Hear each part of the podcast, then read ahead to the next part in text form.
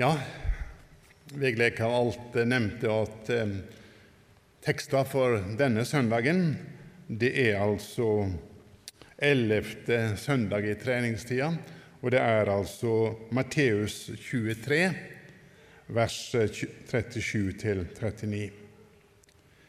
Jerusalem, Jerusalem, du som slår i hjel profetene og steiner de som er sendet til deg. Hvor ofte vil jeg ikke samle bordene dine som ei høne samler kyllingene under vengene sine? Men det ville ikke. Og så hør, huset dykkar skal bli ødt og forlate, for jeg sier dykk, det får aldri sjå meg att før det sier, velsignar Han som kjem i Herrens navn. Amen.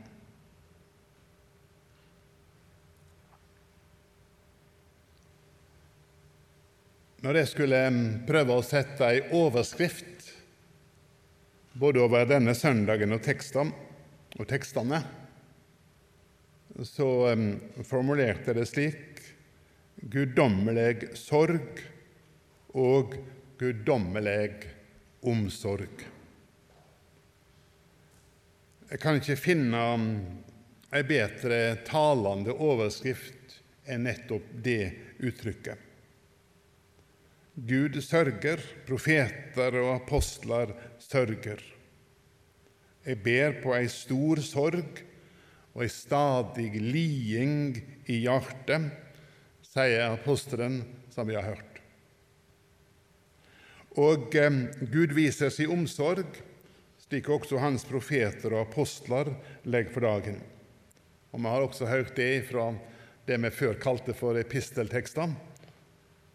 Mine søsken, jeg ønsker av hjertet å be til Gud at de må bli frelste. Og Det er mange vitnemål gjennom hele Bibelen akkurat om dette. Og Jeg våger nesten å si at det er noe av pulslaget i hele Bibelen vår. At vi møter Guds sorg mange ganger, men vi møter også overalt Guds omsorg. Tekstene altså, har altså fokus på Jerusalem.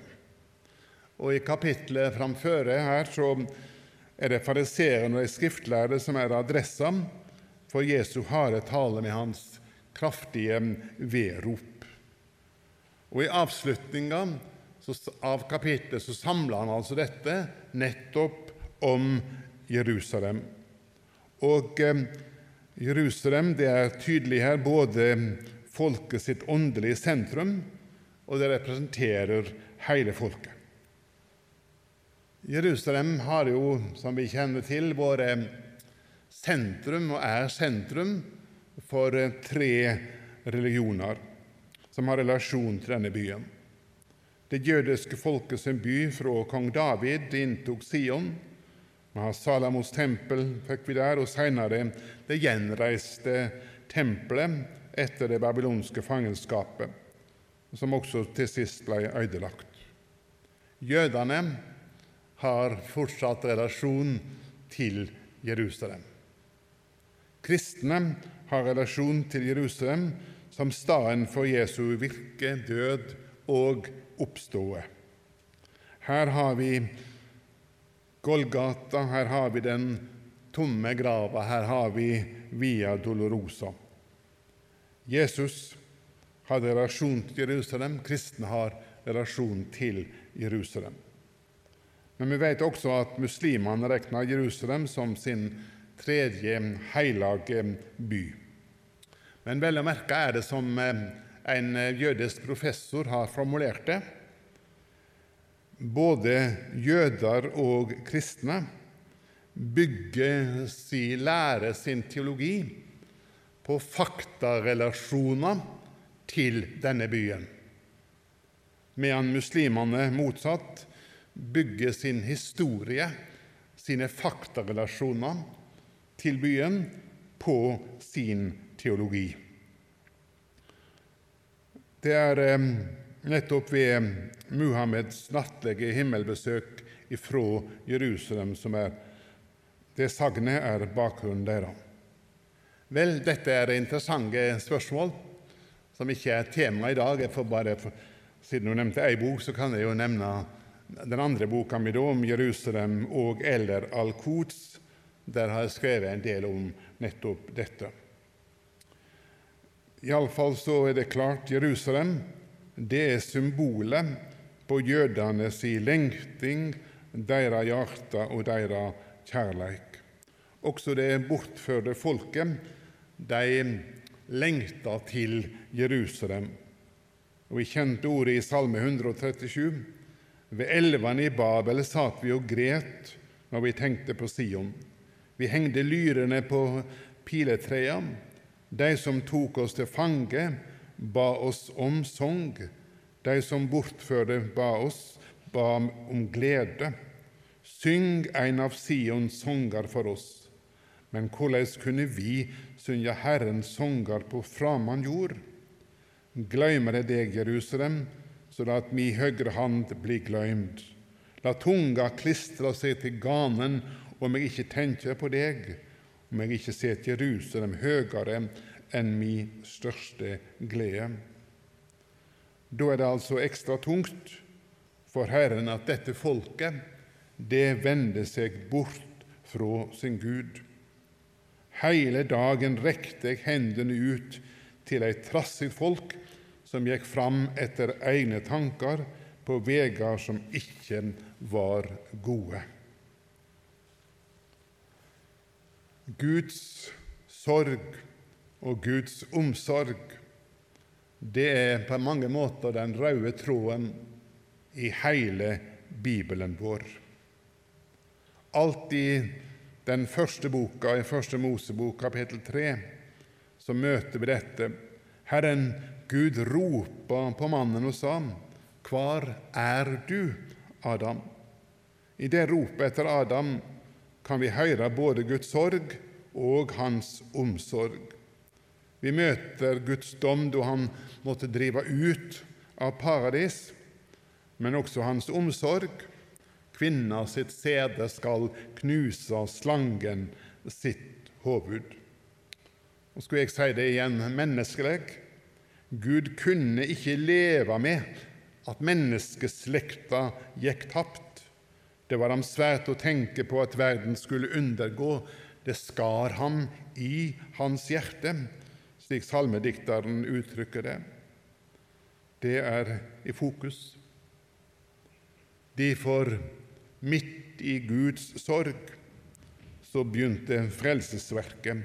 Alt i himmelen, slik Efeserbrevet sier det, Kristus valgte han oss ut før verda vart grunnlagd. Og i tida starta det alt i Edens hage med det som kalles for protevangeliet, nemlig det jeg siterte om kvinnas sæd. Og så blei nettopp denne Guds omsorg materialisert gjennom det jødiske folk først. Abrahams lovnaden. Herren sa til Abraham, 1. Mosebok 12, dra bort fra landet ditt og fra slekta di og fra farshuset ditt til det landet som jeg skal syne deg. Jeg vil gjøre deg til et stort folk. Jeg vil velsigne deg og gjøre navnet ditt stort. Du skal bli til velsigning. Jeg vil velsigne deg som velsigner deg, men den som forbanner deg, skal jeg forbanne. I deg skal alle slekter på jorda velsignes. Hele Israels historie veksler mellom Guds sorg og hans omsorg for folket. Jesus sa det slik i teksten i dag.: Hvor ofte vil jeg ikke samle borna dine, som ei høne samler kyllingene under vengene sine? Men det ville ikke. Og profeten Jesajas ord er slik.: Hele dagen rekte jeg hendene ut til et trassig folk som gikk fram etter egne tanker på veier som ikke var gode. Og så møtte altså i den gamle pakt jødene Guds dom på flere måter, og det topper seg altså med at Gud forlerte tempelet. Jeremia 12. Jeg har gått bort fra huset mitt, forkasta eiendommen min, gjeve henne jeg elsker, i fiendene si hand. Gud tillet altså at det folket han elska, det folket han hadde sett til sin tjener, sin frelsesgjerning, kan vi si, det folket måtte han også møte med hans dom. Den babylonske leiren Nebukadnesar førte mange bort til Babel i 597 før Kristus og 586 før Kristus ved flere bortføringer. Og i den siste bortføringa så ble altså også Salamos tempel lagt i ruiner. Og Først seinere, 537, så når perserkongen Kyros nedkjempa Babylonia, tillot han jødefolket å vende tilbake, og oppbygging av tempelet igjen kunne ta til. Altså, det alvorlige er at Guds dom måtte få sin gjerning gjort mot det ulydige folket. Men samtidig så ser vi altså at Gud ikke bare møter med dom. Gud sørger, og han møter folket med omsorg. De av dere som har vært i Israel og i eh, Jerusalem, vært på Oljeberg og gått ned til Getsemane, har passert annet ei kirke der det står på utenlandsk for si, 'Dominus flevit'. Det betyr 'Herren gret'. Og Det leser vi om i Lukas 19. Da Jesus kom nærere og så Jerusalem, gret han over byen og sa:" Har du bare på denne dagen skjøna du òg hva som tjener til fred? Men nå er det gøymt for øynene dine. Det skal komme dager over deg da fiendene dine kaster en vold rundt deg, kringset deg og trenger deg fra alle kanter. De skal slå deg til jorda og borna dine med deg, og det skal ikke ligge at stein på stein i deg, fordi du ikke skjønner at tida var kommet da Herren gjesta deg. For å si det slik det har alvorlige konsekvenser å forsmå små Guds kjærleik og Hans omsorg. Det fikk konsekvenser, og det får konsekvenser. Det skjedde med det jødiske folket og det skjer med alle folk. Folket ble bortført, tempelet ble som Guds hus. Det kaller Jesus ikke lenger Guds hus, men han kaller det dykkerhus. Gud hadde forlatt tempelet, og det ble også helt borte i år 70 etter Kristus, vet vi. Det er historiske realiteter som viser at Herren mener det han sier, og det er alvor i hans tale. Guds sorg og Guds omsorg, det gjelder alle. Han vil at alle skal bli frelste, slik apostelen Paulus sier i 2. Tim 2. Dette er godt og noe Gud, vår Frelser, gleder seg over, Han som vil at alle mennesker skal bli frelste og lære sanninga å kjenne. Derfor, når vi i dag samles om Hans ord, og også har Jerusalem og det jødiske folk på mange måter i sentrum, så må vi minne hverandre om at vårt kall det er nettopp å forkynne evangeliet, den glade budskapen om Guds frelse. For det skammer meg ikke over evangeliet. Det er Guds kraft til frelse for hver den som tror, jøde først, og så greker. Jødene ville vinne Guds frelse og Hans rettferd ved egne gjerninger og eget liv. Og det er vel, å si det slik, lite nytt under sola, for det er også situasjonen for mange mennesker i dag, ja, også i vår egen by, i vårt eget land. Rekner en med Gud i det hele, ja, så tek han seg jo, tek han jo imot meg. Jeg gjør så godt jeg kan. Jeg lever pyntelig og minst like bra som andre. Den som tenker slik, må høre Guds rettferd er bare knytt til Jesus. Det er evangeliet sin nådebrorskap, For av nåde er det frelste ved tru. Det er ikke av dykkar eget verk, det er Guds gåve. Og det hviler ikke på gjerninger, så ingen skal skryte av seg sjøl. For vi er Hans verk skapt i Kristus Jesus til gode gjerninger, som Gud på han lagt ferdige, så vi kan skulle vandre i deg. Hver den som trur, blir rettferdig, las vi i Romerbrevet 10, både Vigleik og jeg. Det er Guds rettferd. Det er knytta til Jesus og han aleine. Guds sorg og Guds omsorg vil også gjelde i avslutning av tida. Jeg kjenner et, eh, mange et ord fra Jeremia-boka 29. For jeg veit hva tanker jeg har med dykk, sier Herren. Fredstanker og ikke ulykkestanker. Jeg vil gi dykk framtid og von. Guds omsorg og Guds kjærleik, det er Hans guddommelige vesen. Og Siste setning i teksten i dag gir også Israel et håp. Det får aldri sjå meg før det seier. Velsigna er Han som kjem i Herrens navn. Men altså den som sier det, har håpet og framtida.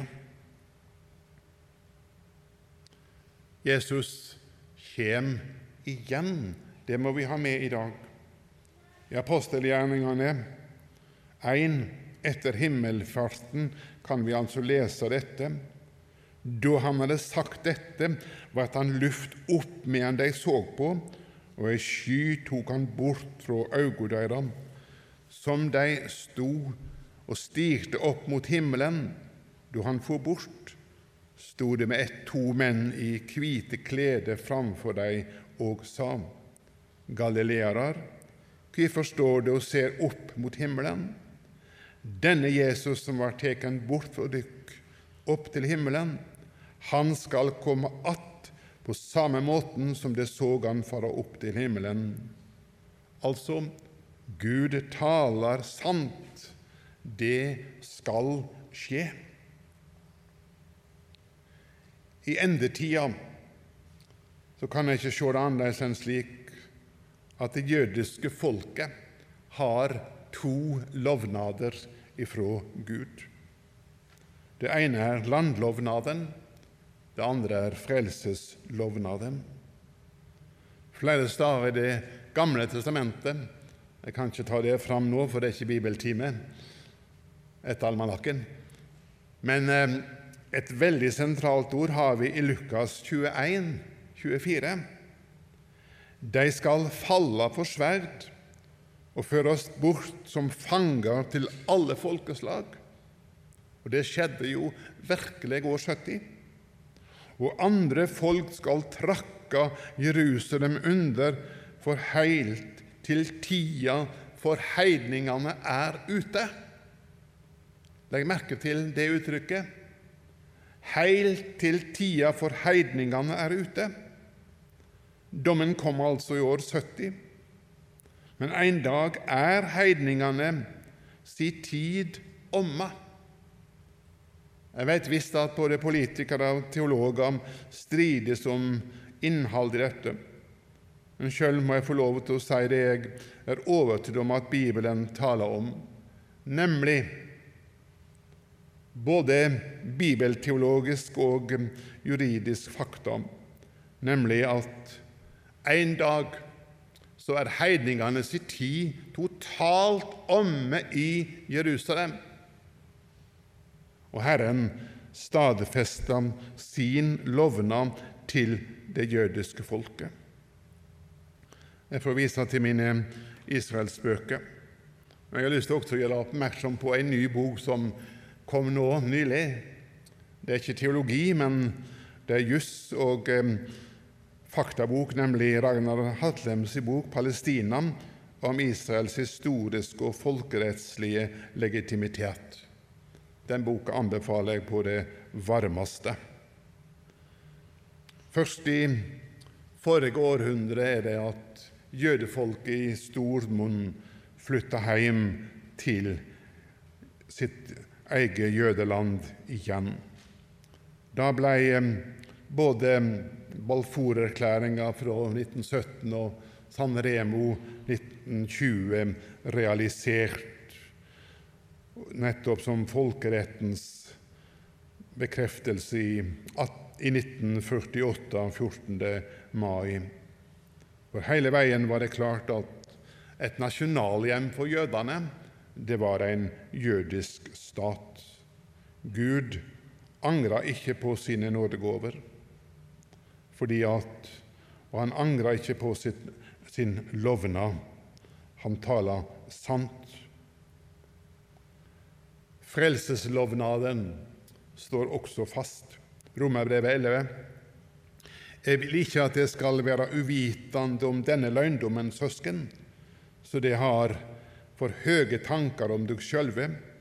For en del av Israel har blitt forherda, heilt til heidningene er kommet inn i fullt hold. På den måten skal hele Israel bli frelst, som det står skrevet. Fra Sion skal redningsmannen komme. Han skal rydde gudløsa bort fra Jakob. Dette er mi pakt med deg når jeg tek bort syndene deres. På grunn av evangeliet har de blitt Guds fiender, slik at de skal få frelse. Men på grunn av utvelginga er de elska av Gud for fedrenes skyld. For Gud angrer ikke på sine nådegåver og si utvelging. Gud angrer ikke på sine nådegåver og sin utvelging. I denne sammenheng er det altså ikke nådegave i forsamlinga som er temaet, men Guds nådegave og frelsesgave til sitt eiendomsfolk. Vi kan være trygge på at Gud held også denne lovnaden. Innhaustinga av Jesus-truende jøder det skjer i vår tid mer enn noen gang før. Og messianske menigheter i Israel dukker opp, og Nytestamentet kan også brukes som eh, eidsbok i Israel. Fikentreet har begynt å bløme, og derfor gleder vi oss over å se Guds spor, både hans landlovnad og hans frelseslovnad. Og så har vi et viktig kall, Salme 122, 6. Be om fred for Jerusalem.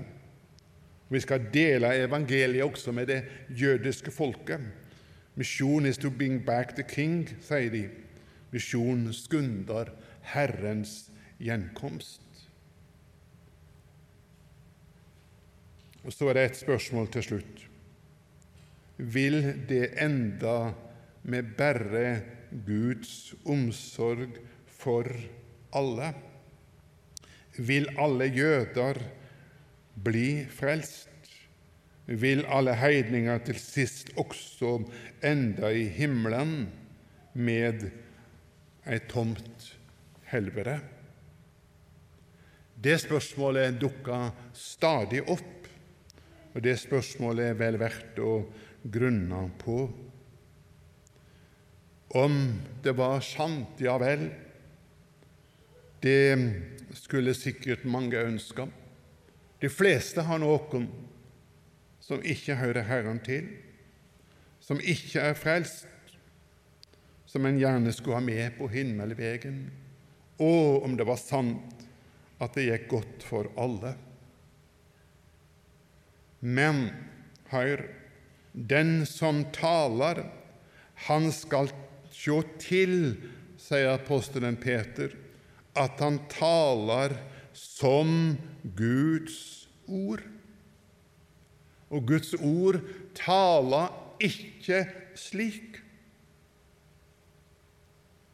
Når temaet særlig er Jerusalem, det jødiske folk, så måtte jeg lese også ifra Jeremia-boka i dag, eller i forberedinga de siste ukene. Det er eh, Babel-bortføringa. Og der er det en profet ved navn Hananya. Det er ikke så farlig, de er snart tilbake. Og så tok han lett på det. Og eh, hvis jeg skal gjengi da Jeremia sine replikker først med egne ord Hamanya, å, det hadde vært fint om det, det var slik som du sier, at dette er enkelt og bare kortvarig. Men, sier Jeremia fra Herren, hør, Hananya, Herren har ikke sendt deg, men du har fått dette folket til å lite på løgn. Jeremia 28, 15. Den som taler, han taler som Guds ord. Nei, det blir ikke frelse for alle. Det er Bibelens ramme alvor. Bibelen taler om frelse, og den taler om fortaping. Det var derfor Jesus gret over Jerusalem. Det er derfor han gret når folk vendte seg bort ifra han. Men det er altså også slik at Guds omsorg og Hans utstrakte hand er der for de som tek imot. Det er to bibelord som er avgjørende viktig i disse spørsmålene. Apostelgjerningene 4,12. Det er ikke frelse i noen annen for under himmelen er det ikke gjeve mennesker noe annet navn som vi kan bli frelste ved. Og nøkkelordet ifra kjærleikens apostel, Johannes 3, 36. Den som trur på Sønnen, har evig liv. Den som er ulydig mot Sønnen, skal ikke sjå livet, men Guds vreie er og blir over ham. Vi trenger kjærleik og varme i vår ånd når vi må formidle dette til folket vårt, til det jødiske folk, til det norske folk, til vår egen by til våre egne. Himmelen er for Guds gjenfødte folk, av jøder og heidninger, de som ved dåp og tru tilhører Kristus, og som sier velsigna er Han som kjem i Herrens navn. Baruchata beskjem Adonai.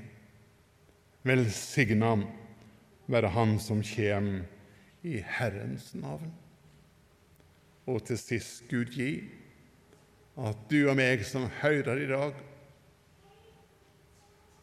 tilslutter oss den flokken.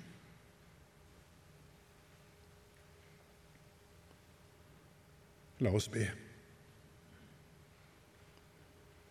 La meg ei bli tilbake når andre tar ditt rike inn.